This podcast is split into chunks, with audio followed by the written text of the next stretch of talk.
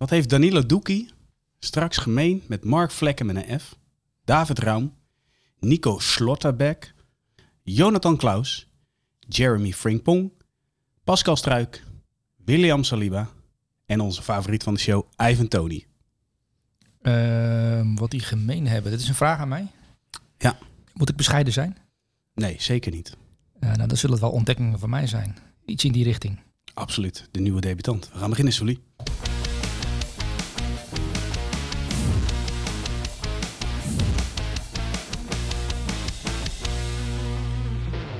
Ja, Sully, het is dinsdag en dus tijd voor het elftal van de week. Ja. Ja, we hebben weer veel voetbal gezien deze week. Ehm, ja, en er is zoveel te bespreken. Ik kom straks met een excuus. Daar gaan we niet te veel over weggeven. Ehm, ik ben ook nog wel even benieuwd, voordat we met keeper beginnen, van hoe heb jij het nieuws van afgelopen vrijdag? Want jij appte mij, Van Gaal kijkt elftal van de week. Of Uh, luistert elftal van de week. Nou, ik zei, ik, ik uh, heb die struik in oranje. Um, oh, las ik dat dan op die manier? Ja, okay. um, en dat was natuurlijk wel uh, enigszins uh, verrassend. Uh, er zaten wel meer verrassingen in, het, in de voorselectie. Want ik bedoel, Andries Noppert zag ik ook niet aankomen. Um, nee, maar die keept ook niet in het buitenland, dus dat is logisch. Nee, Anders had je het wel gezien. Ja, absoluut. Ja. Maar als je de lijn volgt van Van Gaal, en daar hadden we natuurlijk over in, in die video die we over Pascal Struik opnamen, en wat hij verlangt van, uh, van iemand die achterin staat in dit systeem, dat hij op meerdere plekken kan spelen uh, als linkspoot. Um, ja, leek het ons, en vooral mij, wel heel logisch dat Pascal Struik op een gegeven moment in beeld zou komen voor, voor het Nederlands elftal. En uh, ik denk dat het bij een voorselectie blijft, maar het is ook wel een, een goed teken dat, uh, dat hij in de gaten wordt gehouden. En uh, ja. Want hij kan natuurlijk ook nog overstappen naar de, de, nationale ploeg van België. Omdat Roberto Martinez heeft hem ook proberen te overtuigen om, om, om, om Absoluut. voor België te kiezen. Maar ik denk dat het wel een, een, een goed teken is dat, dat Pascal Struik misschien over te halen is. En het kan natuurlijk heel gek lopen, want um, ja, diverse landen hebben het al meegemaakt. Maar um, één hamstringblessure of in het geval van uh, Wijnaldum iets ergers, een, een, een breuk, ja. kan het einde betekenen. En dat betekent dus dat niet alleen een basisplaats in zo'n nationale ploeg uh, opnieuw ingevuld moet worden, maar ook de plek daarachter. Ja. En, en Struik weet nu dat hij keuze nummer drie is voor Botman.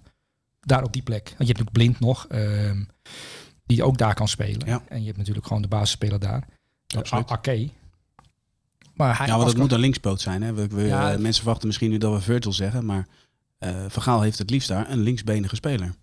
Ja, precies. Dus, ik, dus daarom zei ik al, als je de lijn van Van Gaal volgt, is Ja. het vrij logisch dat Pascal Struik in beeld komt. Nou ja, en uh, twee weken later zien we het natuurlijk gebeuren. Dus gelukkig ja, is er nog iets logisch in het voetbal natuurlijk. En Ja. we kunnen dat redelijk goed volgen ook. Ja, absoluut. Wanneer ga je de definitieve selectie bekendmaken, Sully? Uh, nou ja, uh, in dit elftal natuurlijk weer een aantal verrassende namen. En uh, ik denk ook dat, ja, dat er in, in dit elftal een aantal spelers zitten... die we misschien wel op het WK gaan zien... waarvan we het niet verwacht hadden. Dus dat is misschien een teasertje. Nog meer debutant. Oké, Ja. zullen we beginnen met eh, de doelman?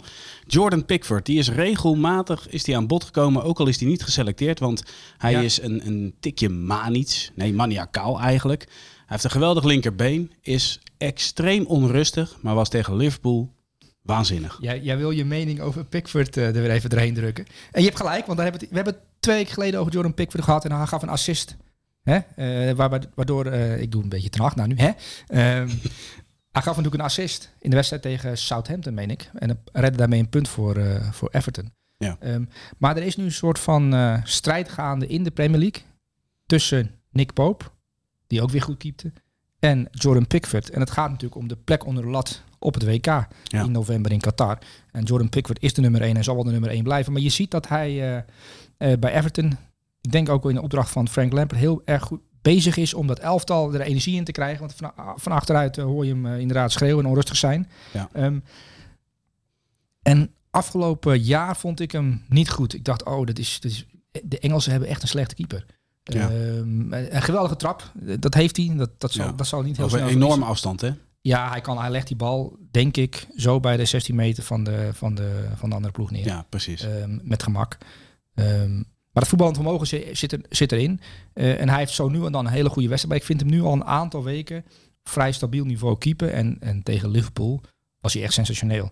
En ik heb getwijfeld tussen, eh, tussen hem en Mike Magnan. Mike Magnan van AC Milan, die Ja. keept ook geweldig. Maar ik heb een andere speler van AC Milan geselecteerd, want die was nog beter.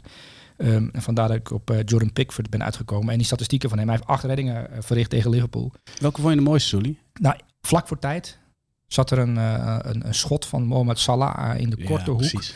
En ik denk dat die bal erin was gegaan. Als hij er niet met zijn vingertop had aangezeten. En hij zat er ja, echt letterlijk met een millimeter van zijn vinger zat hij eraan. Ja. Ehm, maar dat zorgde er wel voor dat die bal, denk ik, eh, naar buiten stuiterde en niet naar binnen stuiterde. Ehm anders had Liverpool deze wedstrijd gewonnen met 1-0 en, en was het een heel, andere, heel ander verhaal geweest. Ehm, maar het is natuurlijk een optelsom van een aantal reddingen. Maar die laatste redding vond ik eh, waanzinnig. En in, tijdens de wedstrijd heeft hij ook een aantal he- hele knappe reddingen verricht. Eh, ik vond hem geconcentreerd, ik vond hem bevlogen. Ook die, die laatste linie eh, goed coachen. En ik maakte me een klein beetje zorgen over Everton. Begin van het seizoen en afgelopen Mhm. seizoen ook met, met Donny van der Beek toen nog op huurbasis daar op middenveld. Denk je, oei, ze zijn verdedigend zo ongelooflijk kwetsbaar. Eh, maar ik vind dat Frank Lampert er de laatste paar eh, speelrondes wel echt een elftal van weet te maken. En dat komt natuurlijk ook door Amadou Onana op het middenveld. Die hebben wij natuurlijk ook, want die, we hebben het over ontdekkingen gesproken. We hebben natuurlijk vorig jaar Amadou Onana besproken met zijn lange benen. Bij Lille speelde hij toen. En toen dachten we ook allebei van, goed, dit is wel een, is wel een aardige speler, hè? Ja, maar dat bedoel ik. Zo zie je maar. Dat, dat vanuit elftal kan het inderdaad hard gaan. Gaat en, gaan, en, en, en, nou ja, goed. nou, maar zonder zei- gekheid, het is wel leuk dat we die spelers al, omdat wij natuurlijk met andere ogen naar die, naar die wedstrijden kijken. eh, we, we pikken de spelers uit met talent, de spelers die uitblinken. En deze jongen heeft een aantal keer laten zien bij Lille dat hij een jongen is met potentie. Ehm, die wordt dan door Everton gekocht. Maar dat vind ik juist interessant om te kijken. Oké, je hebt ze dan in de Franse competitie aan het werk gezien. En dan gaan ze naar de Premier League. En dan ben je echt benieuwd van... Oké, kan die dan hetzelfde brengen? Of, of zijn er bepaalde accenten van zijn spel die... Nou ja, even minder aan de oppervlakte komen. Doordat het tempo zo hoog ligt. Ja. Maar dat is dan wel grappig om te zien dat hij ook op dat niveau... Eigenlijk de skills van overal tussen zitten. Kort Ja. op zitten. Tempo op kunnen voeren. Dat laat hij gewoon zien. Ja. ja, echt een aanwinst voor Everton op het middenveld. Ehm, en, en die jonge jongen, Anthony Gordon, waar het heel vaak over gegaan is in de afgelopen weken, omdat hij natuurlijk eh, naar Chelsea komt voor veel geld. Dat is wel echt een, een speler die zich ook ontwikkelt. Dus vind ik wel echt een leuke speler om, om, om in de gaten te houden bij Everton. Dat is Ja. eh, eh, een jonge gast die, die gelukkig is gebleven en dus ook een jaar lang gewoon in actie kan komen en zijn doelpunten kan maken voor Everton. Is Ja. ook een speler om in de gaten te houden. Maar Jordan Pickford, die, eh, die is streep aan het verdienen voor, eh, voor, voor, ja, richting het WK om, om, om onder de lat te komen. En het is nogal een strijd met Nick Pope. En die doet erg zijn best. Ja, het is er maar een paar maanden te gaan. Ja. Dus eh, wordt spannend. Cijfer voor Jordan Pickford. Een 9. Een 9. Gaan we door naar de eerste verdediger in het elftal. Mag ik nog heel even, ik moet het kort, korter houden dan anderhalf uur natuurlijk. Maar ehm, eh, eh, Misha uit Canada, en die, die zit niet meer in Canada nu, die zit gewoon in Nederland nu. Maar die, Oh. heeft, die heeft weer de, de, de statistieken voor elkaar, ja, bij elkaar verzameld. Ehm, XG on target. Dat was voor mij nieuw, die eh, statistiek. Expected goal on target. Dat is weer wat anders dan expected goals. Of expected goals. Dus dit is weer de kwaliteit van de kans, maar de kwaliteit van een schot die, eh, die wordt berekend. Is dat dan dat hij binnen de paal is? Dat is Binnen dan... de palen, ja. Dus en, en daar had hij een vrij hoog cijfer in. Een, een, een XG on target van anderhalf. En dat zegt natuurlijk een luisteraar helemaal niets. Maar het komt erop neer dat hij vrij goed stond te keepen. Ja. Dus wat, wat we allebei hebben kunnen zien. Hij heeft acht reddingen verricht, waarvan twee, drie spectaculaire. Zeker, van Darwin Ja. en Salah die je net omschreef. Ja, dat zijn echt twee spectaculaire reddingen die, waarbij je als keeper het verschil maakt. En daar komt dan denk ik die anderhalf XG on target vandaan. Maar het is wel een, een, een getal. Dat als je dat, eh, dat wordt, kan tegenwoordig uit de worden gehaald. En zo kun je Ja. zo'n lijst van tien keepers die, die punten pakken voor een, voor een ploeg. Hij pakt nu echt een punt voor Everton. Dat is een zeer belangrijk punt. Want Everton gaat hopelijk niet voor, voor Everton en voor Lampard strijden tegen degradatie. Maar dit zijn wel punten die in het begin van het seizoen zeer belangrijk zijn om, om vertrouwen op te bouwen. Dat kan ook, we hebben een aardige ploeg. We, we, we kunnen meedoen eh, om plek 10 tot 14. Ja, precies. En dan zijn we zo ineens aanbeland bij Jules Condé. Ja. De eerste verdediger in jouw elftal. Je speelt wederom eh, 3-4-3. Ehm Koundé kwam terug eh, bij zijn oude clubje.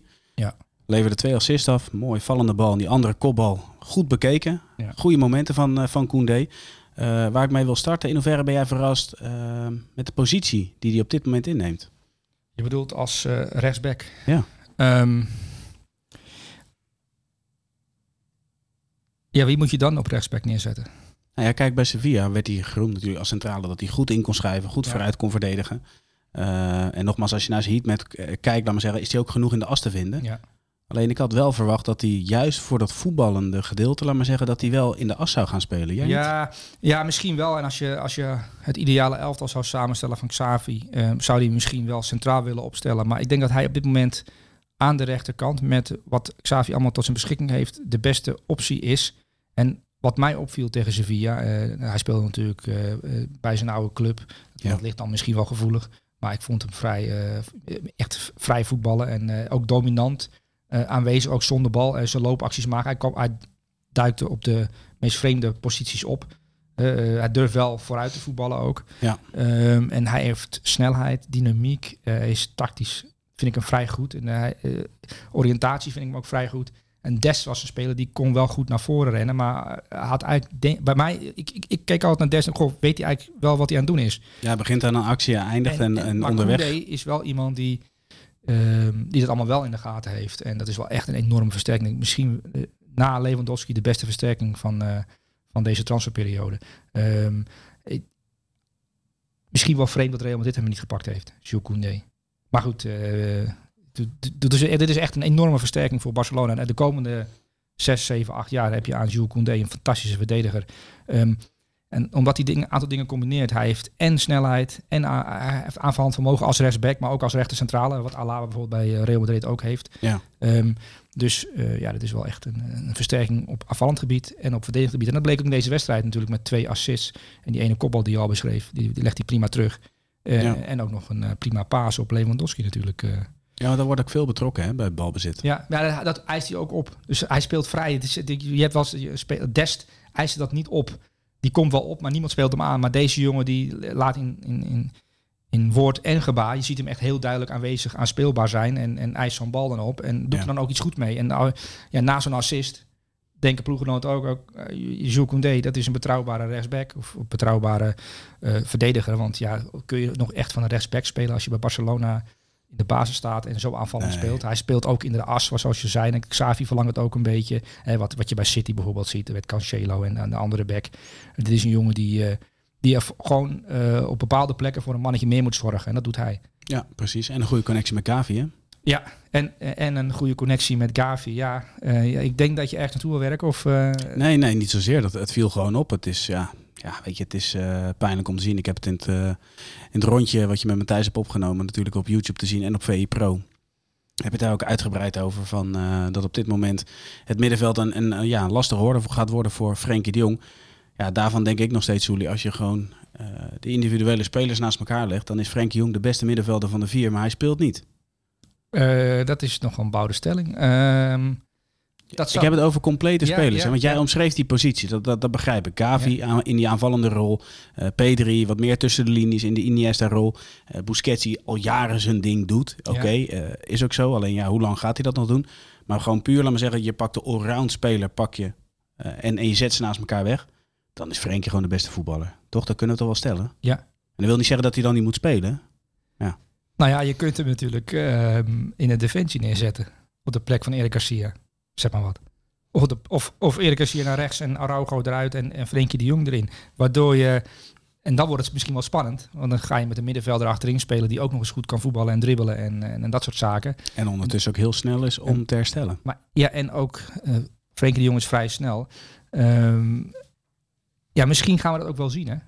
Uh, Ik hoop het. In, in, in, de, in de nabije toekomst. Het, ik kan me bijna niet voorstellen.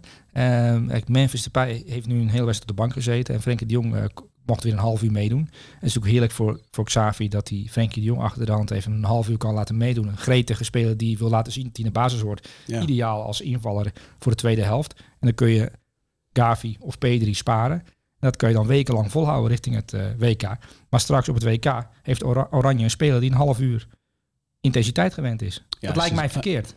Ja, goed, als je het zo bekijkt, dan zal het voor Vergaal wellicht nog een soort van gunstig zijn. Maar ik weet niet hoe jij het, uh, het aanschouwt, laat maar zeggen, op het moment dat uh, Barcelona speelt en ik zie dat Frenkie niet speelt. Ik ben niet een fan, maar ik ben een liefhebber. Mm -hmm. Merk ik toch dat ik een beetje narrig word. Ja, echt waar? Ja.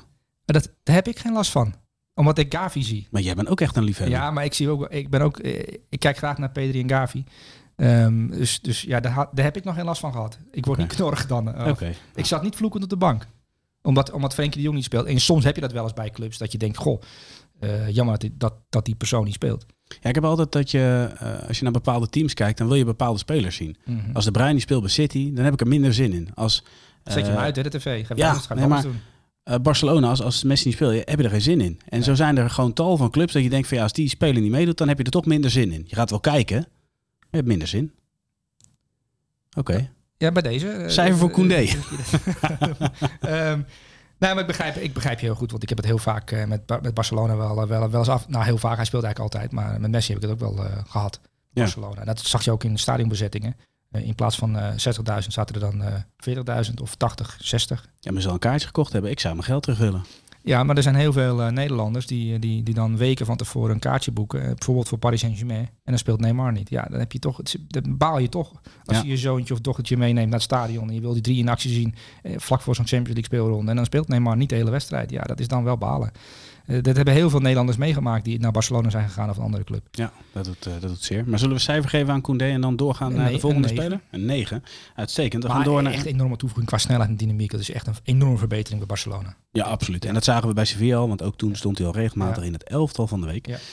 Eh, de volgende, Danilo Duki. Ja, die is nieuw in ons team. Ja, nieuw. Ja, dat is toch, toch mooi. Ehm, ja, als je, als je dan de beelden terugkijkt en jij geeft aan van eh Mané, vervelende middag gehad. Sané, ver- vervelende middag gehad. Musiala, vervelende middag aan. En je ziet dan wie dan... Ko- Koman, inderdaad, die pakt je nog een keer hard aan trouwens. Ja. En je ziet dan van, oké, daar heeft Doekie dus voor gezorgd. Uitstekend. Goed nieuws voor Vergaal. Ja. Uh, oh, we gaan weer, Oh, gaan we weer- weer te ver? eh, ja, dan gaan we zeker te ver. Oké. Maar Union Berlin, Bayern München, 1-1. Eh Union goed aan het seizoen begonnen. En Geraldo Becker, topscorer van de Bundesliga. Mooie goal weer. Mooie goal weer. En die zit er lekker in. Ehm Daniel Doekoe is toch een speler die, die, die natuurlijk bij Vitesse het een en ander heeft laten zien. Daarachterin met Bazoer bijvoorbeeld. Hè. Ja. Eh, eh, daar, daar is hij prima ontwikkeld. Ehm, is een verstandige jongen. Die dan eh, transfervrij is overgestapt naar Union Berlin. Club die Europees voetbal speelt. Nou, natuurlijk afgelopen jaar ook met Vitesse Europees voetbal gespeeld. Ehm eerste paar wedstrijden, drie wedstrijden op de bank. Ehm, komt er dan in. En eh Union speelt in een specifiek systeem. Hè, met drie man achterin, met wingbacks. Wat hij ook gewend is bij Vitesse. Wat hij ook gewend. Dus de- de- prima keuze. Ja. Ehm, links in de verdediging speelde hij. Dus drie man speelde hij aan de linkerkant en hij is rechtsbenig. Ja. Dus dat, dat is tegen de Van Gaal principes. Hè? Ja, ja, ja. Ja, dus eh, dat is al, dat is al eh, fout. Ehm, maar wat met deze wedstrijd opviel. ehm, en Bayern München, dat heeft eh, Bas van der Hoofd natuurlijk wel goed beschreven. Die, die vindt dat, eh, dat, dat, dat die Bayern aanval zonder Lewandowski, dus ze komen van alle kanten. En dat zag je ook in deze wedstrijd. eh, want Bayern München is natuurlijk veel beter. En die probeert dan door, door, het, ja, door die verdediging of die muur van Union heen te beuken. Door heel veel te bewegen. Ja. En Mane die uit de spits wegbeweegt. Sané die erachter probeert te kruipen. Dan komt Kingsley Coman van rechts. Dan zie je Musiala ineens eh, aan de rechterkant opkomen. En speelt ze eigenlijk 3 tegen 2 of 4 tegen 3. Ze proberen het continu je, je, je in verwarring te brengen. Ja. En, en die drie achterin. Knochen speelde dan in het centrum. En eh Jekel aan de, aan de rechterkant. En dan Doekie aan de linkerkant. En ik zag Doekie een aantal keer. Een Mane die dan zijn ze onderkomt. En probeert hem uit het centrum te lokken. Moet ik wel of niet door? En dat, dat zag ik twee, drie keer gebeuren. En dan zie je dat hij agressief doordekte. Ja, en- en, dat vonden ze niet leuk. Nou, dat vond Mane niet zo heel fijn, nee. Eh, omdat Doekie ook nog eens ver op de bal doordekte. En, en een, bal, een bal veroverde en zijn ploeg eh, ja, eh, een mogelijkheid gaf tot, Ja. tot omschakelen en tot counteren. Ehm, in balbezit, eh, we hebben de cijfers gezien, was het misschien niet heel goed. Die kun jij misschien voorlezen. Nou, ik heb iets opgeschreven los van de statistieken. Ehm, hij kiest wel heel veel voor safe, dus heel veel gaat terug. Ja. Dat is, dat is dan, maar goed, nogmaals, ik denk als je voornaamste taak is om, om de toppers van Bayern uit te schakelen, daar is hij met ver in geslaagd natuurlijk. Heeft hij ook heel goed gedaan. Ja. Nou, mag ik even de cijfers voorlezen? Want, Absoluut. Danilo Doekie, eh, eh, tweede Bundesliga-wedstrijd, 7 van de 11 duels gewonnen. Hij won 75% van al zijn luchtduels. Hij heeft het hoogste aantal geslagen tackles bij Union, 3. En van alle spelers op het veld kwam alleen Sabitzer tot evenveel intercepties. Dus hij heeft ook de meeste intercepties van het veld, 4. Ehm, hij verstuurde alleen 21 passes met een succespercentage van 70%, wat jij zei, veilig. En, en dat begrijp ik wel. Je speelt tegen Bayern München, die zetten op agressieve manier druk. Dus Ja. elke fout wordt afgestraft tegen Bayern München. Dus je moet geen fouten maken. En dat zag je hem wel doen. Oh, we spelen tegen Bayern München. Ik mag geen fouten maken. Maar ik, als je ziet wat hij, wat hij goed doet. En ehm, ja, kijk, je moet ook altijd meenemen hoe zit die jongen in elkaar. Wat voor keuzes maakt hij. Dit is zijn tweede Bundesliga-wedstrijd. Hij heeft kennelijk afgedwongen dat hij kan spelen. Dus hij Mhm. heeft op de trainingen laten zien. eh, of, of afgedwongen dat hij in de basis kan staan. En dan speelt hij deze wedstrijd. Ehm, dat is, geeft mij wel een, een, hoopvol gevoel. En ik denk, ja, dit kan zomaar eens een, een geweldige ontdekking zijn van, eh, voor de Union. Dat Danilo, Danilo Doekie zich daar in de Bundesliga eh, ontwikkelt tot een goede verdediger. Ja. Uh, en ik heb een interview met hem gelezen een paar maanden geleden over zijn eigen ontwikkeling en hoe hij naar voetbal kijkt. En hij heeft een beetje over de, de mentaliteit die Steven de Vrij ook heeft. Beter worden, investeren. Oh, dus echt analyseren, ja, terugkijken. Kijken, en, en uh, iemand die daar heel erg mee bezig is. En, en, en dan is, dat zie je ook wel. Um, is zeer intelligent in de keuzes die hij maakt. Um, dus ik ben hoopvol dat deze jongen zich enorm gaat ontwikkelen. En dan uh, wellicht een tweede Van Dijk gaat worden. Ja, je zit nu misschien een beetje maar raar aan te kijken. Nee, maar die is via Celtic en Southampton is je uitgegroeid tot Liverpool-legende. dat is hij natuurlijk nu. Ja, 100%. Maar Danilo, Danilo Doekoe... Doekie. Doekie. Doekie. Ja, Doekoe heb je... Ja, Doekoe is wat anders. Doekoe is wat Neem je anders. genoeg Doekoe mee. Ja. Maar wij zijn jongens van de straat natuurlijk. Maar ik denk dat we van deze jongen nog wel eens uh, wat kunnen gaan horen. Dat hij, dat hij, als hij een geleidelijke groei doormaakt zoals hij dat nu doet... Vitesse en dan nu Union... Europa League uh, voetbal, spelers of Conference League voetbal... Dan... Uh, ja, Goeie keus geweest dus. Ja, zo ja. zie je maar dat een, een, keuze in een carrière zeer belangrijk kan zijn en uh, in je verdere ontwikkeling. Zeker. Uh, wat voor cijfer krijgt hij voor zijn optreden tegen Bayern München? 8,5. 8,5, oké. Okay.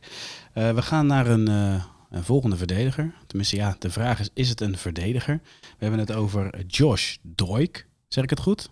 Ik denk een beetje een Schotse uitspraak tot ja, Doik. Ja, Doik, ja. Jos Doik, ja. Is het nou een linksback of een linksbuiten? Ik weet het niet. Uh, nou, hij is het allebei. Want hij heeft uh, linksbuiten gespeeld, linker middenvelder gespeeld en linksback gespeeld. Um, ja, ik heb voor deze jongen gekozen, Jos Doik. En je, je, hebt in Schotland uh, produceren ze natuurlijk whisky. Ja. En linksbacks. Ja, Robertson. Uh, en, ja, Robertson, uh, Kieran Tierney. En we hebben natuurlijk afgelopen seizoen hebben we Aaron Hickey. Aaron Hickey, ook elftal van de week. Bologna, ja. elftal van de week materiaal. Want die is voor heel veel geld verkocht aan een Premier League club. Hè, die, is, Ja. die is getransfereerd. Ze moeten gewoon met Schotland alles over links doen. Um, nou, um, Hellas Verona komt uit bij een speler van Hibernian. Dat vind ik best wel opmerkelijk. Dat, uh, dat, dat Hellas Verona, een Italiaanse club. Er zijn genoeg Italiaanse voetballers. Die komt er bij een 20-jarige jeugdinternational van Schotland uit. Jos Doik. En als je hem ziet spelen. En, en ook Verona speelt in het uh, befaamde 3-5-2 systeem met wingbacks. Ja. En daar is deze jongen wel gemaakt voor. Uh, en als je zo begint in de Serie A met deze statistieken. Je hebt bij uh, Udinese won uh, zondagavond met 4-0 van AS Roma. Hè. En dan heb je Destiny Udogi, die hebben we natuurlijk ook uh, in het elftal besproken. Die, Ja. is, die is trouwens verkocht door Tottenham al voor volgend jaar voor 20 miljoen. Um, maar je kan vrij snel gaan. Als jij in een juist systeem terechtkomt je hebt, en je hebt bepaalde kwaliteiten, zie Denzel Dumfries aan de rechterkant bij Inter. Maar deze Ja. Jos Doik, die totaal onbekend is nu, um, die komt bij Hibernian vandaan. Maar over een jaar is er een Premier League club, die gaat gewoon 20 miljoen betalen voor deze Jos Doik, 20 jaar. Ja, moet hij nog wel als een voorzet werken? Ben je het daarmee eens? Uh, ja, maar het is nog eens een ongelooflijk jonge jongen. Jawel, maar uh, moet ook weer ontwikkelen voor de volgende stap. Want het jij bent een- wel streng altijd, hè? Maar jij gaat straks je excuses aanbieden en dan weten we dat die strengheid van jou dat Ja, die dat- wordt ook wel eens- terecht. Want je hebt, ik denk wel dat jij een hele goede trainer bent, omdat jij uh, ook de minpunten be- benoemt en dat is terecht. Um, Maar een trainer moet zich ook kwetsbaar op kunnen stellen. wat ik zag bij deze jongen is vooral um, iemand die geknipt is voor de rol die hij die, die, uh, bezit. En hij kan redelijk goed voetballen, vind ik persoonlijk. Ook in de kleine ruimte met een eh, snel Ja. doortikken en doorbewegen. En hij heeft ongelooflijk veel dynamiek en intensiteit. En, en komt ook heel vaak in de 16 van de tegenstander. En dat is wat de wingbacks moeten doen hè, bij al die Ja. clubs. En als je dan die statistieken ziet van hem, en dat is wel weer mooi met statistieken inzicht- inzichtelijk te maken, dat hij, uh, hij komt tot vijf schoten van alle spelers op het veld. Het is gewoon een linksback, tot vijf schoten. Um, allemaal binnen de 16 ook nog eens, dus hij komt vrij, redelijk vaak in de 16. Um, even kijken, hij maakt natuurlijk het winnende doelpunt in zijn eerste wedstrijd in de basis voor Verona afgelopen week. Um, en het hoogste aantal balcontacten in de 16. Samen met de spits van, uh, samen met spits Lasagna. En dat, heeft Dumfries ook vaak bij Inter. Dus zijn taak is, uh, is, is, ja, is die hele linker uh, flank bestrijken. En dan inderdaad die voorzet. Ze komen niet allemaal aan. Of heel veel komen er niet aan. Maar hij doet ook een aantal dingen heel goed. En het is niet zo makkelijk om in de Serie A het vaakst van alle spelers in de 16 te komen. Want je moet natuurlijk ook nog je verdedigende taken in de gaten houden. Ja. Dus je moet en verdedigen en het vaakst in de 16 komen.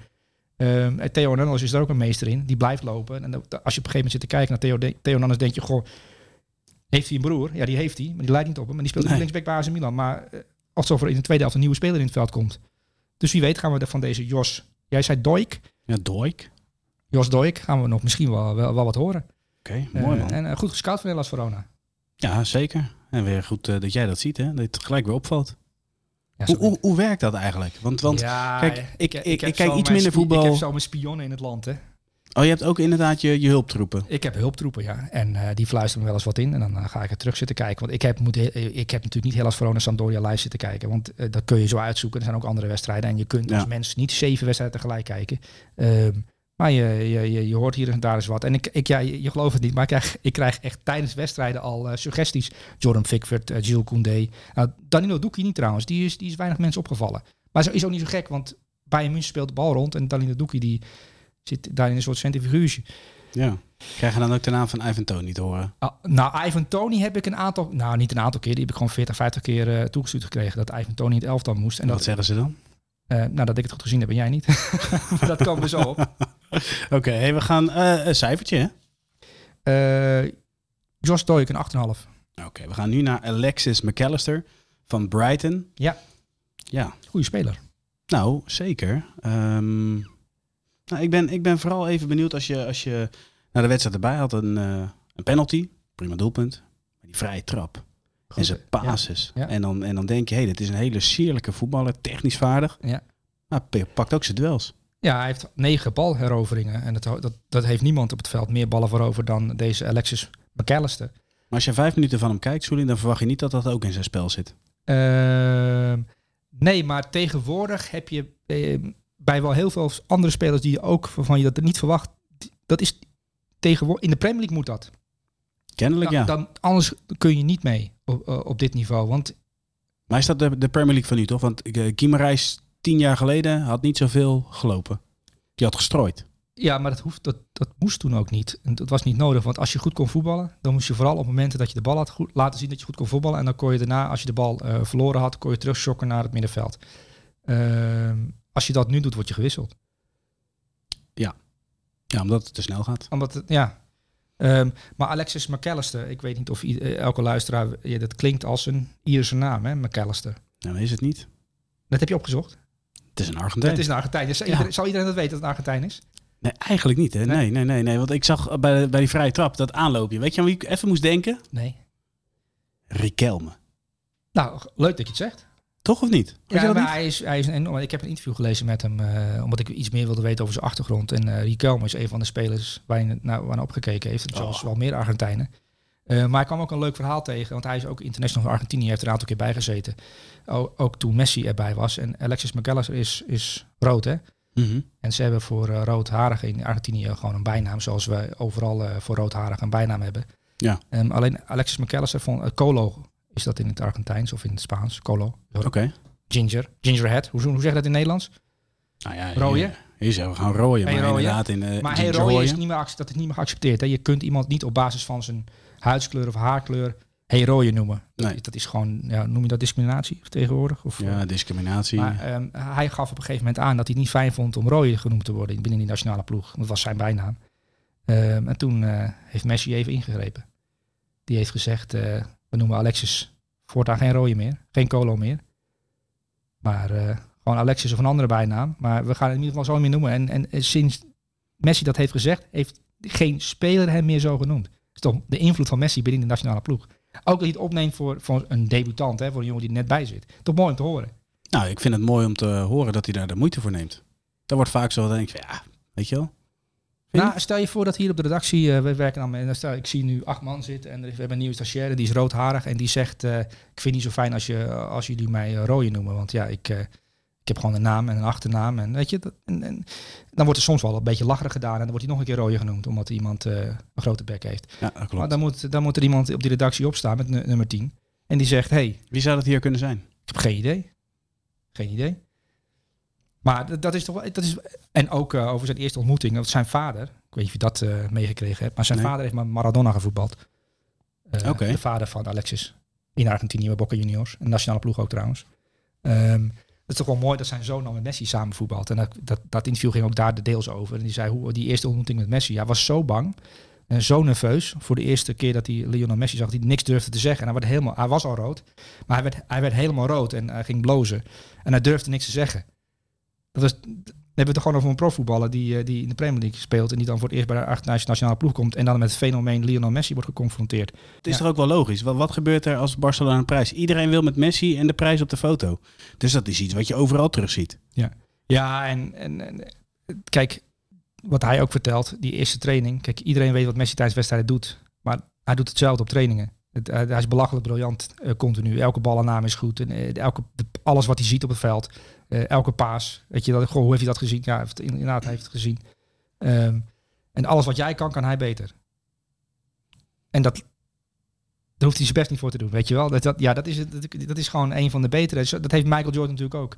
Met al die basketballers om hem heen. dat is mooi om te zien. En ja, het is dat, dat je daar niet een camera bij hebt, continu, dat we er allemaal getuigen van kunnen zijn hoe dat dan in zijn werk gaat. Maar uit die verhalen van de omstanders kun je wel opmaken. Eh, als trainers vertellen dat Messi twee keer verkeerd scheef kijkt naar ze, dat ze ontslagen worden omdat de baas niet tevreden is. Ja, hij heeft een enorm, uh, enorm veel impact, ook op een andere manier dan behalve dat met assist en doelpunten. Ja, maar heel eerlijk, als je uh, toen, toen uh, Frenkie naar Barcelona ging, dat het bekend is, laat maar zeggen, was toen bij die boekpresentatie van. Ja, iedereen van, stelde dezelfde vraag. Nou, maar, ja, maar tuurlijk, en, dat, en dan kun je wel zeggen van, oh, lekker origineel. Maar het is ook gewoon pure interesse. Wij waren bij de boekpresentatie van, van Memphis, uh, Ruben en ik samen. We deden om en om uh, de interviews en ik deed dan het interview met, uh, met Frank. Maar dat was dan ook inderdaad van ja, je gaat straks met Messi spelen, weet je wel. Ja, wat, ja. Wat, wat, verwacht je ervan? Hoe kijk je ernaar uit? Dat is ook een logische vraag. Als jij hem nu tegen zou komen random in Amsterdam, dan zou je ook willen weten van, hoe was het met Messi in de kleedkamer? Dat is denk ik bij iedereen het eerste wat in je opkomt. Dat is ook volkomen logisch. Ja, ik zou hem niet direct op die manier vragen, maar ik zou wel willen vragen, als ik hem tegen zou komen.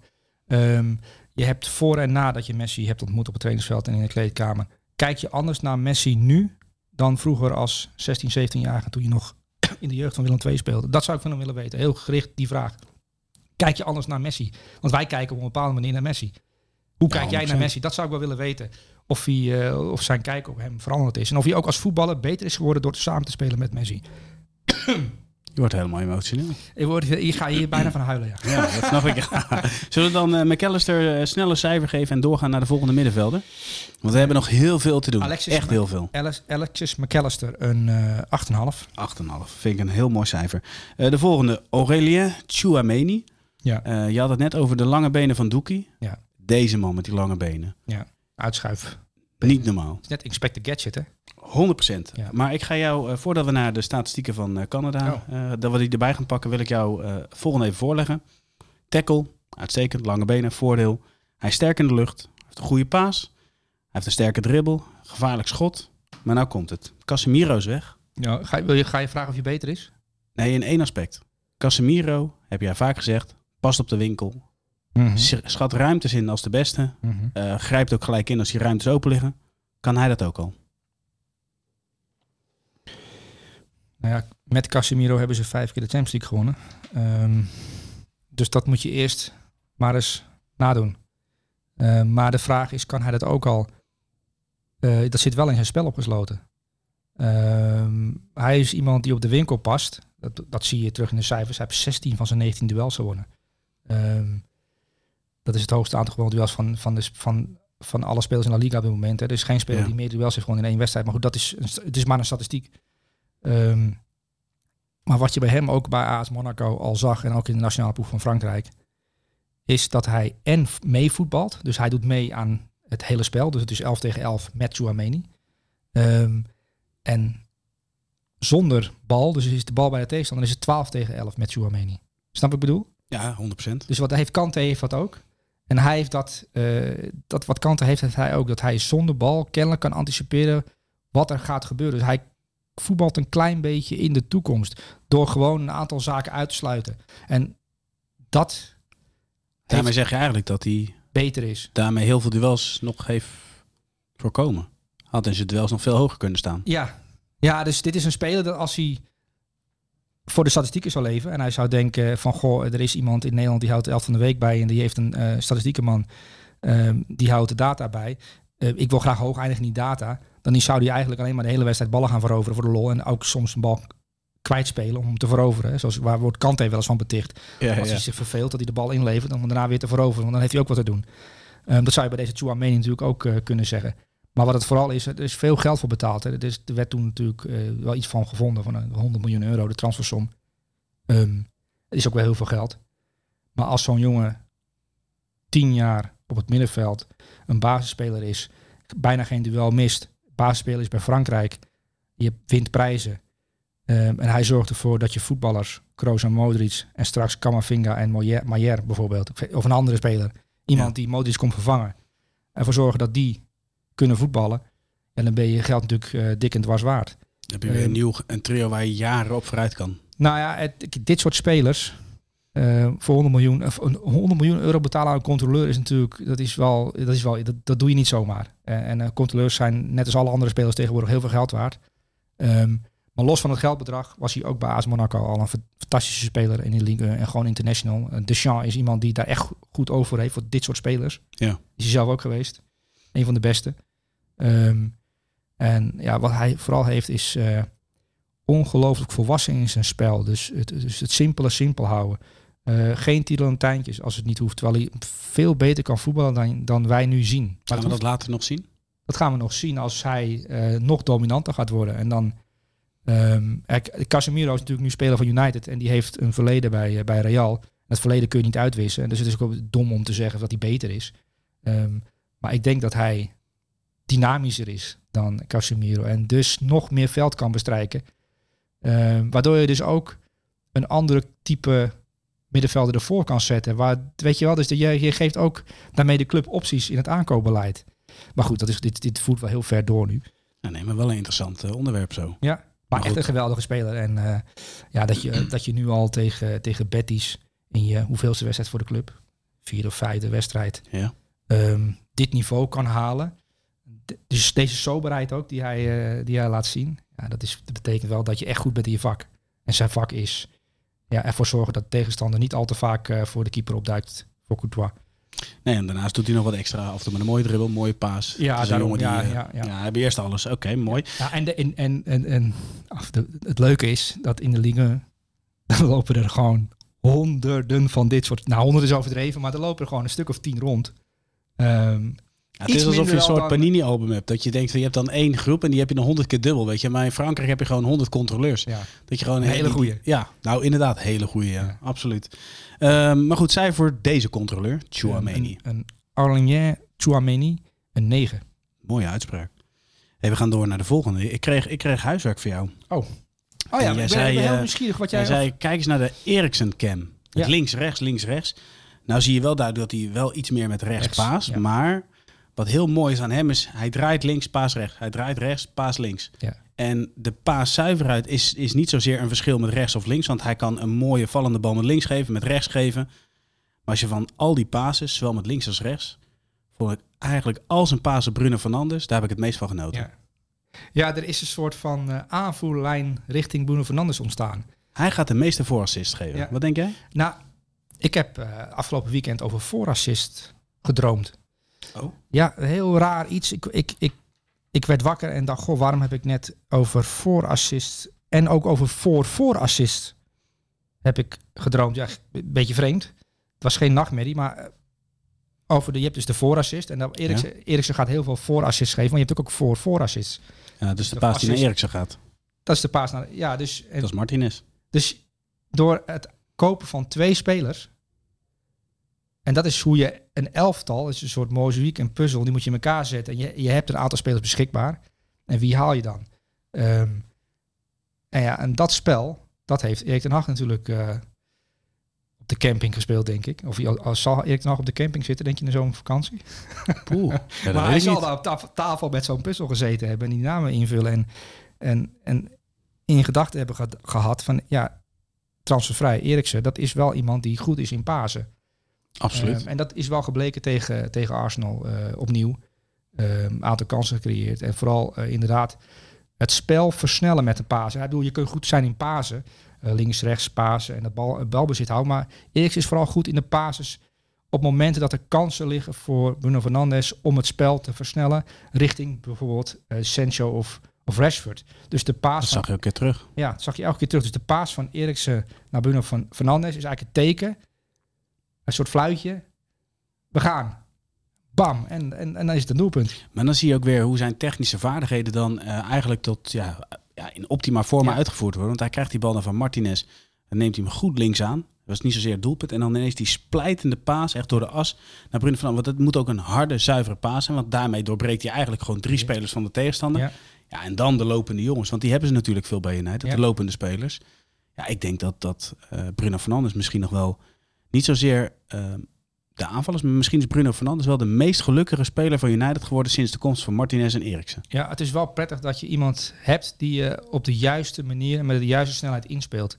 Daarom is het ook voor heel veel spelers een genot. Het is voor Mbappé echt een genot dat als je een loopactie maakt naar de tweede paal of de eerste paal en je weet dat Messi hem gaat geven, dat hij hem altijd goed geeft. En als hij het niet goed geeft, dan heeft de verdediging het fantastisch opgelost. Want die, hebben, die staan dan goed. Ja. Um, in dit geval ook. Eriksen, um, het is natuurlijk een veel besproken moment geweest, dat de overtreding van, op Eriksen van Eudegaard. Hè? Het moment dat, uh, dat Arsenal uh, natuurlijk uh, scoort. Absoluut. Martinelli die die bal prima afmaakt. Um, dat is zijn zwakke punt. fysiek. Ja. In de Premier League. maar je ziet dat hij dus zonder fysiek dit kan brengen. Dus hij, het is op techniek en op spelintelligentie en de geweldige passing en, en, en tweebenigheid. Want dat is wel wat, dus nou, al, allebei de kanten opdraaien, met allebei de kanten pasen. Dat zie je bijna geen speler doen. Ik zie bijna geen speler in de grote vijf competities doen wat Eriksen kan doen. Naar allebei de kanten. Wel, met één been kunnen ze dat ook wat Eriksen kan brengen, op een bepaalde manier. Ja. Maar, maar Waarbij wel de ruimte voor hem gemaakt moet. In die zin, er moet ja. wel ruimte gemaakt worden. En het moment moet erkend worden. Want jij geeft wel terecht aan van ja, die andere aankoop, Martinez. Uh, vorige week hadden we het thema de kleine man de ene kleine man speelt de andere kleine man ook wel heel veel aan. Sorry? Nou, dat Martinez. Je, je bent een beetje... Nou, ik zit, even, ik zit even de tekst te lezen die, die bij Eriksen staat. Ik was, was wel nieuwsgierig wat er stond. Maar goed, ga ja, verder. Dat snap ik. Ja. Nee, maar dan zie je toch ook dat, dat de aanvoer in, in beginnen moet dan al gewoon goed zijn. Ja, ja, tuurlijk. Maar dat is dus... Dat was bij, bij United ontbrak dat uh, de afgelopen jaren. Um, niet alleen omdat Harry Maguire links centraal stond en die paas, maar Harry Maguire kon aan niemand de bal kwijt. Um, en nu kan hij aan helemaal niemand de bal meer kwijt, want hij zit op de bank. Um, maar Varaan is daar wel minder in dan Lisandro Martinez. Dat zie je nu al. Dat is echt een taakverdeling. Hè? Net zoals ja. Batman en Robin een, een, een bepaalde taakverdeling hadden. Gaan we weer naar de films, hè? Hebben, ja, ik, ik gooi graag een film in. Ja. Uh, hebben, hebben Varaan en Lisandro Martinez zit ook. Maar het, je ziet wel dat... Uh, Um, waar ik me wel, uh, nou niet zorgen over maak, maar ik ben wel heel benieuwd naar als een tegenstander dit bekijkt. Want het is natuurlijk wel uh, als, een patroon. Als een vrij duidelijk patroon ook. Ja. Als dit patroon is herkend door een tegenstander, um, dan is het natuurlijk, dan moeten ze ook wel andere manieren vinden. En dan, uh, dan komen de backs natuurlijk weer meer in, in, in, in beeld. Ja, dan gaan ze wel of kijken dat je de linkerkant van United in eerste instantie dichtzet. Dat je ze echt naar rechts gaat ja. lokken. Ja, precies. Ze moet je, dus er zijn bijvoorbeeld Brentford en, en, en Brighton, die hebben natuurlijk de eerste twee wedstrijden gewonnen van United. Um, United is daarna zich gaan aanpassen. Er zijn wat aanpassingen geweest in het ja. veld. Um, en ja, ik ben ook wel... Uh, het is toch wel een heel duidelijke keuze. Dus een aanvoerder eruit, die al een tijdje aanvoerder was... en uh, de grote ster van de club, Cristiano Ronaldo, bankzitter... en kiezen voor deze aanval ja, in combinatie met Bruno Fernandes en Eriksen... Uh, er zit wel een bepaald... Ja, het is een patroon, maar er zit, het is wel een vrij logisch patroon. Er zit logica in, er is over nagedacht. En ook in de tweede helft viel mij op... dat, dat Arteta zit niet stil, die analyseert ook. Die denkt, oh, ik moet het aanpassen. We gaan die aanvalspatroon even aanpassen. Je ziet dat, dat, dat Ten Hag daarop reageert. Door dan een middenvelder erbij te zetten en nog meer op de omschakeling te, gokken. En dat vol te bouwen voor Arsenal. Dat is wat, ik vond het wel leuk dat er ook in die wedstrijd een soort van schaakwedstrijd ontstond tussen twee trainers. En dat, dat Ten Hag daarop reageert. Had je onder Solskjaer helemaal niet. Dat, is Nee. gewoon, dat was gewoon, uh, ja, wat ik, ik, ik noem dat een slimme elftal en een domme elftal. Het was een vrij domme elftal. En met een, met een nou, ik wil niet zeggen een dom trainer, maar een trainer die dat aspect niet beheerste. Um, en niet goed genoeg voor, voor de top, denk ik. Ja, ligt het dan meer aan de spelers of aan de trainer? Trainer. Oké. Okay. Ligt altijd aan de trainer. Ligt het altijd aan de trainer? Altijd, ja. En de technisch directeur? En ja, maar die hebben ze bij United niet. Oké, okay, dan dus ligt het aan de trainer. Dan ligt, het ligt altijd aan de trainer. Maar uh, kijk, Ten Hag is binnengekomen. Een enorme uitdaging. Uh, die is niet aangegaan. Ik bedoel, uh, Ronaldo vertellen dat hij, niet, dat hij niet in de basis staat. En jezelf een docent van Ronaldo noemen. Dat vond ik ook wel een opmerkelijke uitspraak.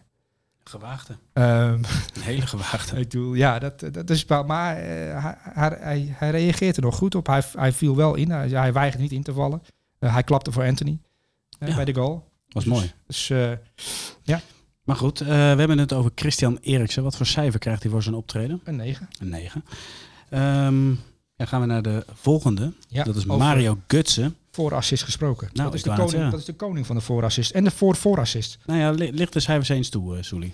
Um, nou, ik heb eigenlijk uh, niet zozeer cijfers, maar je, je kijkt naar uh, Eintracht Frankfurt en die zijn het seizoen slecht begonnen. En er is één speler bij Eintracht Frankfurt die ik echt geweldig vind. Ehm, ja, niet Mario Götze hoor.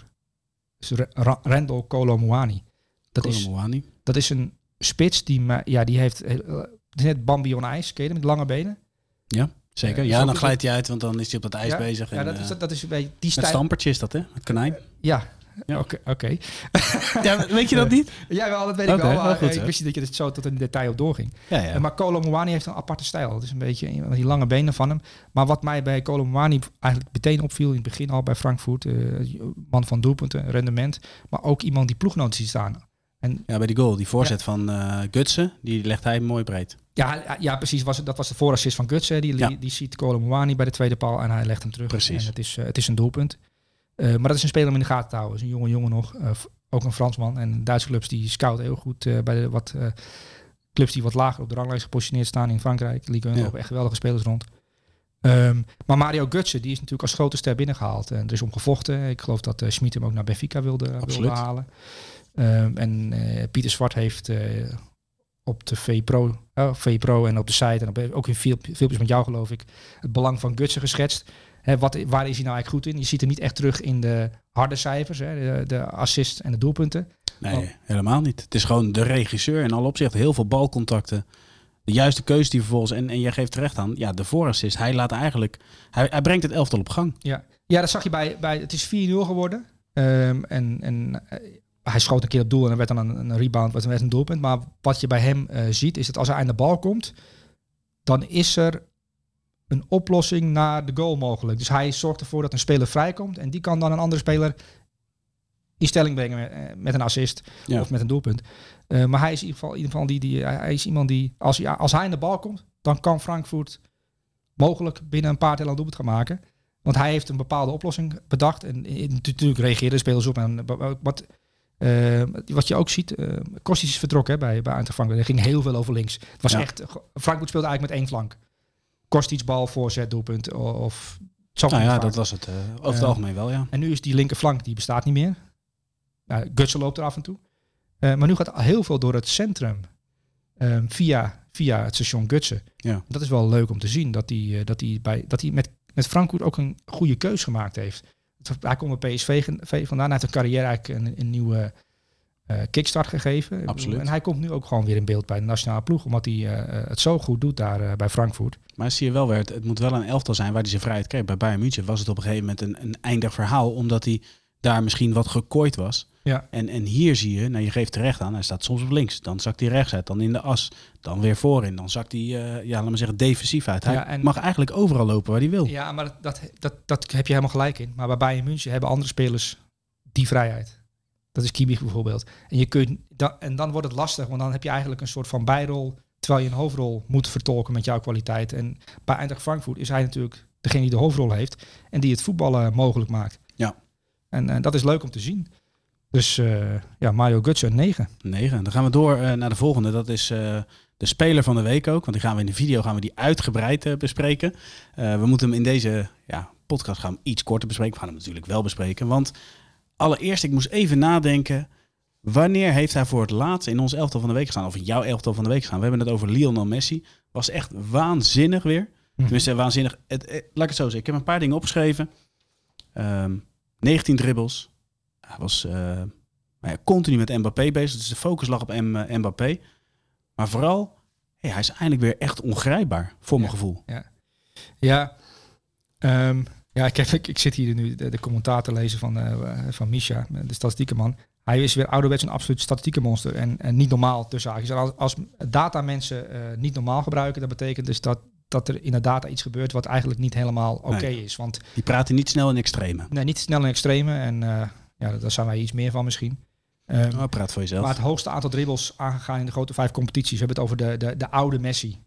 Dus de, de, de, de, de meester die, die heeft gevoetbald. En die heeft iedereen laten zien eh, hoe je moet dribbelen. Die Precies. is eigenlijk uitgevoetbald. En, en dan zie je de statistieken. En dan zie je op één Messi 29 dribbles in, in de eerste paar wedstrijden.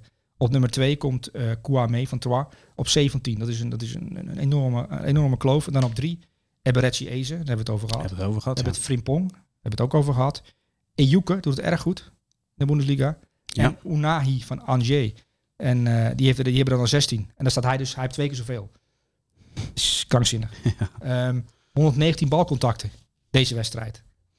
Dat is belachelijk, maar het is ook wel goed. Want als hoe meer Bessie aan de bal komt, hoe- meer eh, er kan gebeuren natuurlijk. Ja, er waren van die momenten dat hij in een, in een weerwar van mens staat en dat Ja. hij er weer uitkomt. Dat je denkt van, wauw. Ja, ik heb één moment eh, tegen Nant. Dan, dan heeft die verdediger van Nant het idee, ik heb hem nu in de hoek. En, en hij kan niet ontsnappen. De, die lijn is voor mij. En als hij die kant op gaat, dan is hij ook voor mij. Dan pak ik hem. En, en, en Messi die draait naar links-rechts. Die shuffle die hij vaker doet eh, om spelers van zich af te schudden. Eh, het is links-rechts, links-rechts. En, en die jongen is eh, misselijk en, eh, en afgehaakt. Want Messi is de andere kant op bewogen. En je ziet hem kijken van, ah nee, ik ben er weer in getrapt. En, en eh, ja, dat doet hij, ja. dat doet hij meesterlijk. En dat, ja, dat is geweldig om, om, om te zien. Nou, die statistieken, eh, het aantal assists, nu 16 in de grote vijf competities dit kalenderjaar. Dan denk je, goh, we hebben het- Kevin de Bruyne is de beste middenvelder. Hè, dat is eh, een stokpaardje van jou. En terecht, want Kevin de Bruyne is de beste middenvelder. Maar Xavi heeft terecht gezegd, alles wat ik kan, doet Messi tien keer beter. Alleen hij is aanvaller, dus hij maakt doelpunten. Dus hij heeft wat minder assist. Ja. Maar als hij zich zou concentreren, als hij Kevin de Bruyne zou moeten nadoen, zegt ze gewoon, Messi, dit seizoen ben je Kevin de Bruyne Doet hij dat? dan, dan, is, dan is hij de beste middenvelder ter wereld. En dat klinkt misschien een beetje alsof we hier als fans zitten te oreren. Maar geloof me. We zijn ook wel een klein beetje fan, hè? Ja, maar wie is er geen fan van Lionel Messi, de voetballer? Ik bedoel, Nee, als je... eh, ik weet niet, ik geloof dat Mascherano heeft ooit eens een keer als wens... Ik heb mocht doen, zijn- wat zou jouw ultieme wens zijn? Hij zou gewoon vijf seconden willen zien wat Messi ziet op een voetbalveld. Om te snappen wat, hoe dat nou kan, wat hij doet. Nou, ik denk dat je zelfs in vijf seconden schrikt.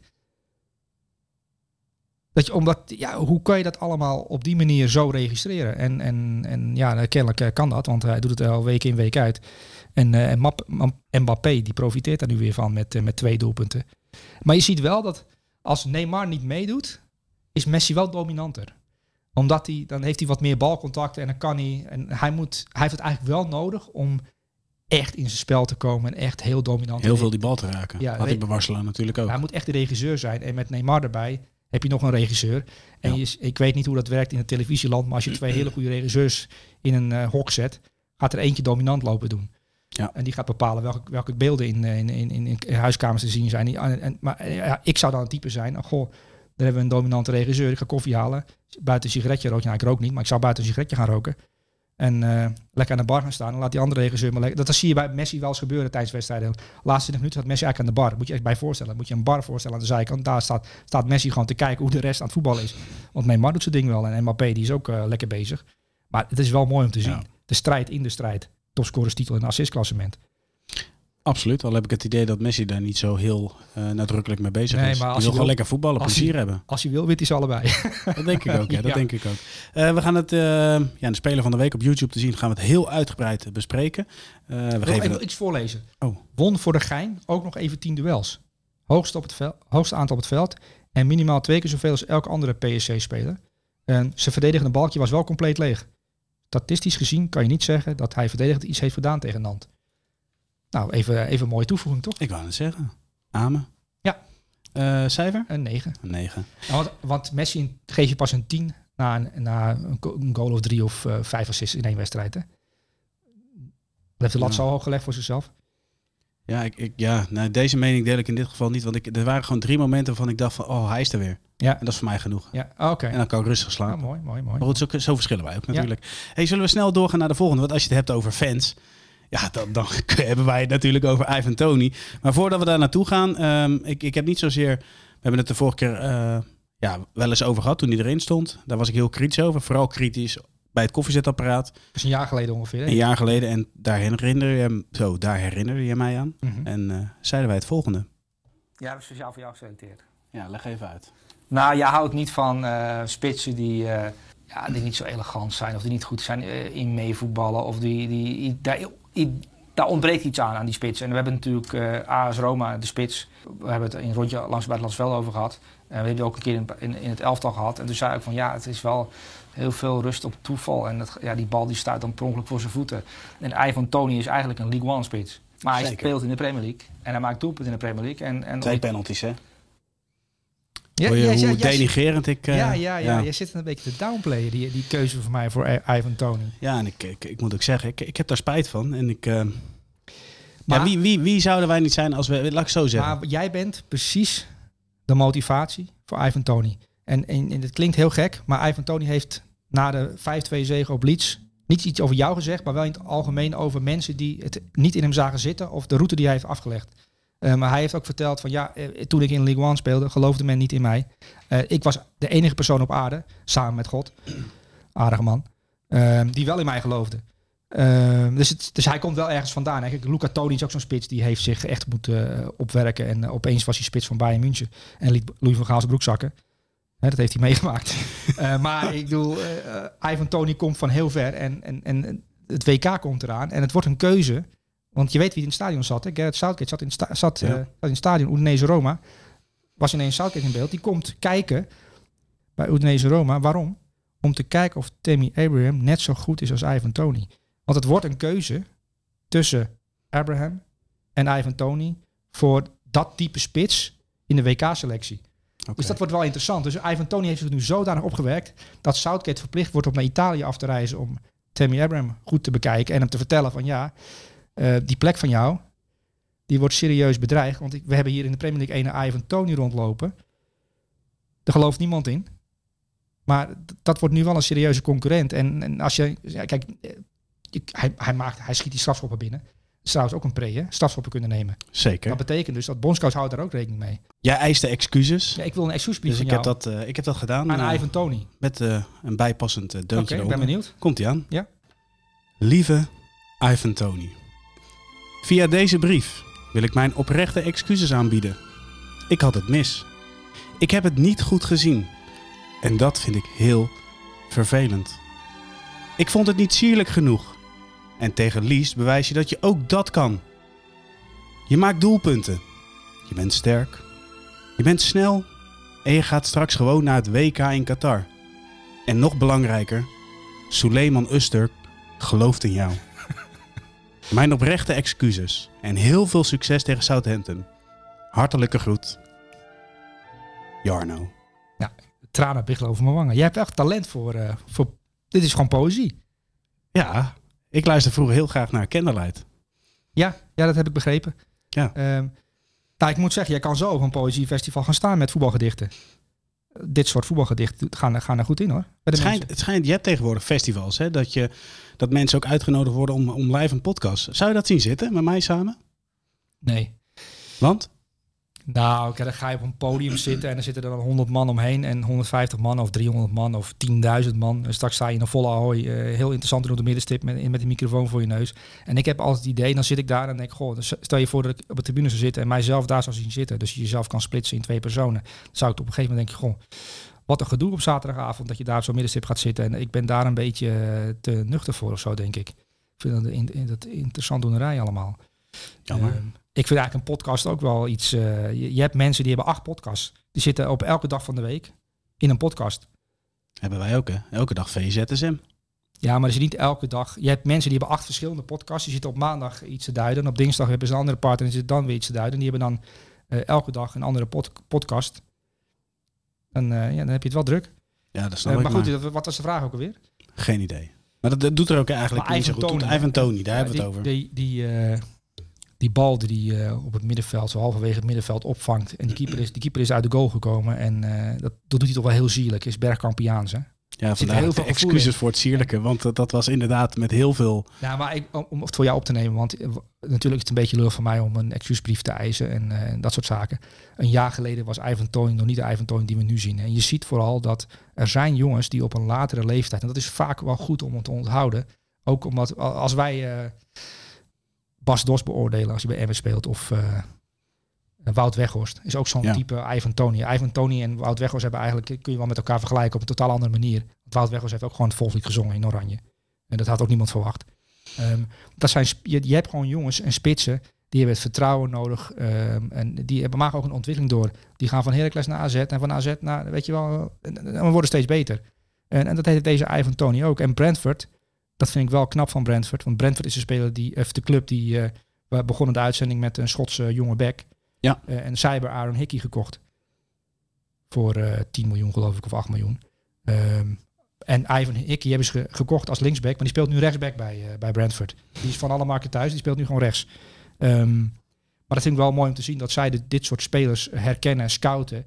En het wordt nu een jongen, ah ja, hij is 70 miljoen euro waard. Dat is lachwekkend. Al een jaar geleden, als je hoort wat jij erover gezegd hebt. En het is gewoon een spits van 70 miljoen. Ja. Ehm, als United hem wil hebben in de winter, omdat Ivan Tony straks op 15 goals staat en 8 assists. Ja, dan wordt het gewoon een jongen die je moet hebben. Ja. Maar aan de andere kant, Sully, jij, jij neemt het dan nu een klein beetje voor me op. En misschien had ik op dat moment wel een klein beetje gelijk.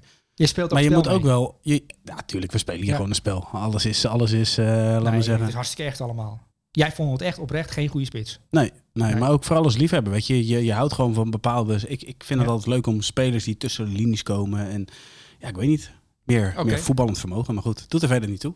Hij eh, gaat zomaar naar het WK. Dat zou zomaar kunnen in ieder geval. Ja. En dan kan het inderdaad hard gaan met een loopbaan. En dat geeft dus ook maar aan dat het lastig is om een ziener te zijn in de voetbalwereld. Want er wordt altijd makkelijk gedaan over het feit van ja, Haaland had je al veel eerder kunnen scouten. Die had Ja. je al veel eerder kunnen zien.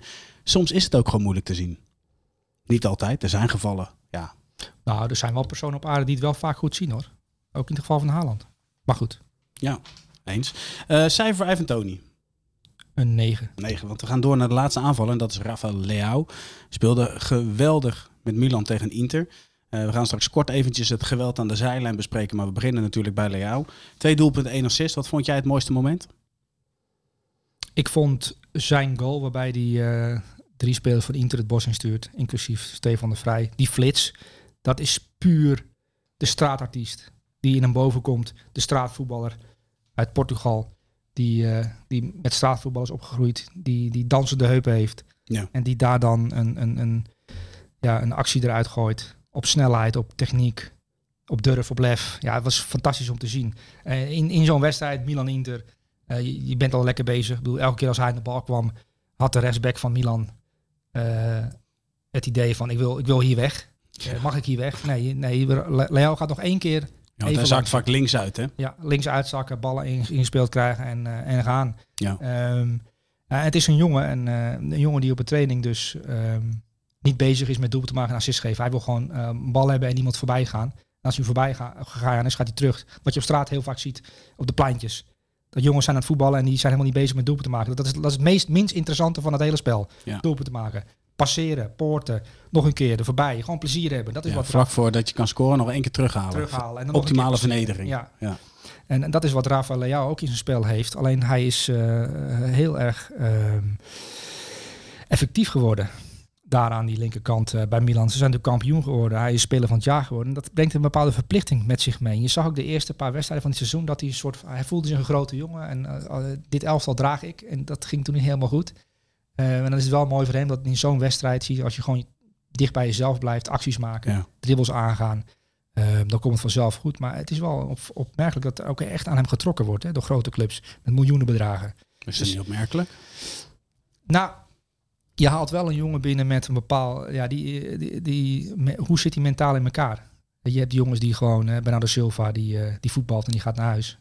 Ra Rafa Leao is ook bezig met muziek. Hij is ook een rapper. Hij is ook een, eh, hij is ook Mhm. een rapartiest. Dus hij heeft ook een album uitgebracht, net als Memphis. Ja, maar zolang je dat wekelijks op het veld laat zien dat het geen invloed heeft, dan is dat toch prima. En, en vooralsnog zien we dat. Ja, ja, nee, precies. Maar dat is wel een, dat zou bij mij, als ik ga, ga scouten en ik ga linksbuitens bekijken, over een langere periode, eh, hoe zit het met zijn rendement? Hij is pas één jaar echt top. Of eigenlijk een half jaar bij Milan. Eh, Ja. En nu laat het in de, in de derby weer zien. Het is echt een, een fantastische speler om te bekijken. Als je die in het stadion ziet en hij komt aan de bal, dan weet je niet wat er gaat gebeuren. Omdat ja, hij kan binnendoor, buitenom. Een fantastische. En die bal die, eh, wat, wat was mij trouwens, eh, hij schoot hem met links binnen, hè, die bal. Ja. Eh, maar hij is rechtsbenig, toch? Zeker. Ehm, dat zag je ook wel met de, de- bij, de, bij de goal. Daar gaat hij. eh, Ja, zijn actie rechts. rechts, hij sleept. Hij sleept met rechts en dan neemt hij met links mee. En dan, Ja. en dan met binnenkant voet de, de verre hoek zoeken. Dus dat, dus zie je dat hij redelijk tweebenig is met in zijn actie ook. Ja. Ehm, maar die eerste goal, die schiet hij met links binnen. En het, ik heb altijd het idee, die, die, als hij linksbenig was geweest, had hij niet gemaakt. Ehm, maar omdat hij net verkeerd raakt, ga- gaat hij, er, gaat hij erin. Ja, je bedoelt nu, nu gewoon met... Ja, Iets minder gevoel heeft hij erin. Maar Ja, waardoor hij die hoek, net die hoek kan maken die een normale linksbenig niet kan maken. Klinkt misschien heel erg eh, raar. Maar Nou, hij nam hem nu een beetje natuurlijk half met zijn binnenkant, omdat hij niet helemaal zeker was. En ik denk dat een echte linksboot, die pakt hem vol op zijn vreef. en de, ja, en dan heb je, ja. Dus hij raakt hem eigenlijk verkeerd. Maar hij raakt hem daardoor goed. Ja. ja. Jeetje, wat diep. Zullen we het geweld aan de zijlijn nog eventjes Nee, kort bespreken? iedereen die uh, linksbuiten heeft gestaan als rechtsbenige, waaronder ik, uh, weten wat dat is. Want je, ik heb ook heel vaak met links gesco gescoord. dacht ik raak hem eigenlijk verkeerd. Maar doordat ik hem verkeerd raak, raak ik hem goed. Zo. Dus dat is ook gewoon ervaring. Ja, goede les weer. Ja. Hey, uh, tot slot, het geweld aan de zijlijn. Uh, welk geweld aan de zijlijn? Dumfries, Hernandez. Oh, de, de, de, het 1 tegen 1 uh, duel. Ja, prachtig om te zien. Dat, dat, die twee weten van elkaar al. Wij staan tegenover elkaar. Uh, de wingback, uh, nou niet de, de, linksback van Milan en de wingback van Inter. Ja. Um, Dumfries heeft van zijn trainer één opdracht. Wat er ook gebeurt. Theo Hernandez mag niet in onze 16 meter komen. Met bal. Of zonder bal. Dus je loopt achter hem aan. En, en uh, Theo Hernandez heeft van zijn trainer te horen gekregen. Denzel Dumfries, dat is jouw man. En dat zag je, uh, ze zochten elkaar op. Hè. Ja. De, de, de, de, gong klonk en Ja. het boksgevecht uh, begon. En ze gingen ook letterlijk meteen matten. Het werd meteen een vechtpartij. Ja, het waren wel echt een paar mooie, echt, echt fysieke duels. Hè? Dat is Zo. wel, um, je ziet wel um, dat Denzel Dumfries natuurlijk van PSV vandaan gekomen is afgelopen jaar. En uh, het eerste half jaar lastig heeft gehad. En uh, nu is hij toch wel echt een intensiteitsmonster daar op de rechterkant. En ook een statistiekenmonster, want hij vaak in de 16 komt. Met, uh, Ja. Als er een voorzet van de zijkant komt, dan is Denzel Dumfries erbij. Maar hij is qua intensiteit en dynamiek wel echt enorm gegroeid daar in Italië. Het is voor het Nederlands zelf natuurlijk fantastisch dat we op rechts iemand hebben die negen minuten lang als een bezetene tekeer kan gaan. En uh, toch? Ja, nee, absoluut. absoluut. En zie je van twee kanten. Heel mooi om te zien. Ja. Maar goed, um, ja, Rafa Leao, nog even een cijfer. 9. Een 9. Um, nou, Sully, wat vond je van deze aflevering? Zit de stijgende lijn er nog steeds in? Uh, ja, want we hebben weer een aantal spelers uh, op, op, op de kaart gezet. Uh, we hebben een aantal uh, klassiekers besproken. Ja. is, is er een film aan bod gekomen? Er is weer een film aan bod gekomen. We hebben, we hebben een Nederlander geprezen. Zeker. En dan is het een heel kleine stap naar Nederlands elftal. Uh, trouwens, er zijn een aantal mensen die, uh, die, die willen dat Sheldon Becker het Nederlands elftal... dat gaat niet, hè? Maar dat, is, dat kan niet meer. Nee. Want hij is natuurlijk uh, international van Suriname. Suriname, ja. absoluut. Ja. Soelie, hartelijk uh, dank voor je tijd. Wij duiken nu de studio in uh, voor de opname van Speler van de Week. Want ja, deze, deze contentmachine draait gewoon door. Dus jongens, als jullie deze podcast hebben geluisterd en het is nog steeds niet genoeg, ga dan snel naar het YouTube-kanaal van Voetbal International en kijk dan naar Speler van de Week. Dan sluiten we nu af met de bekende jingle van het elftal van de week. Doei!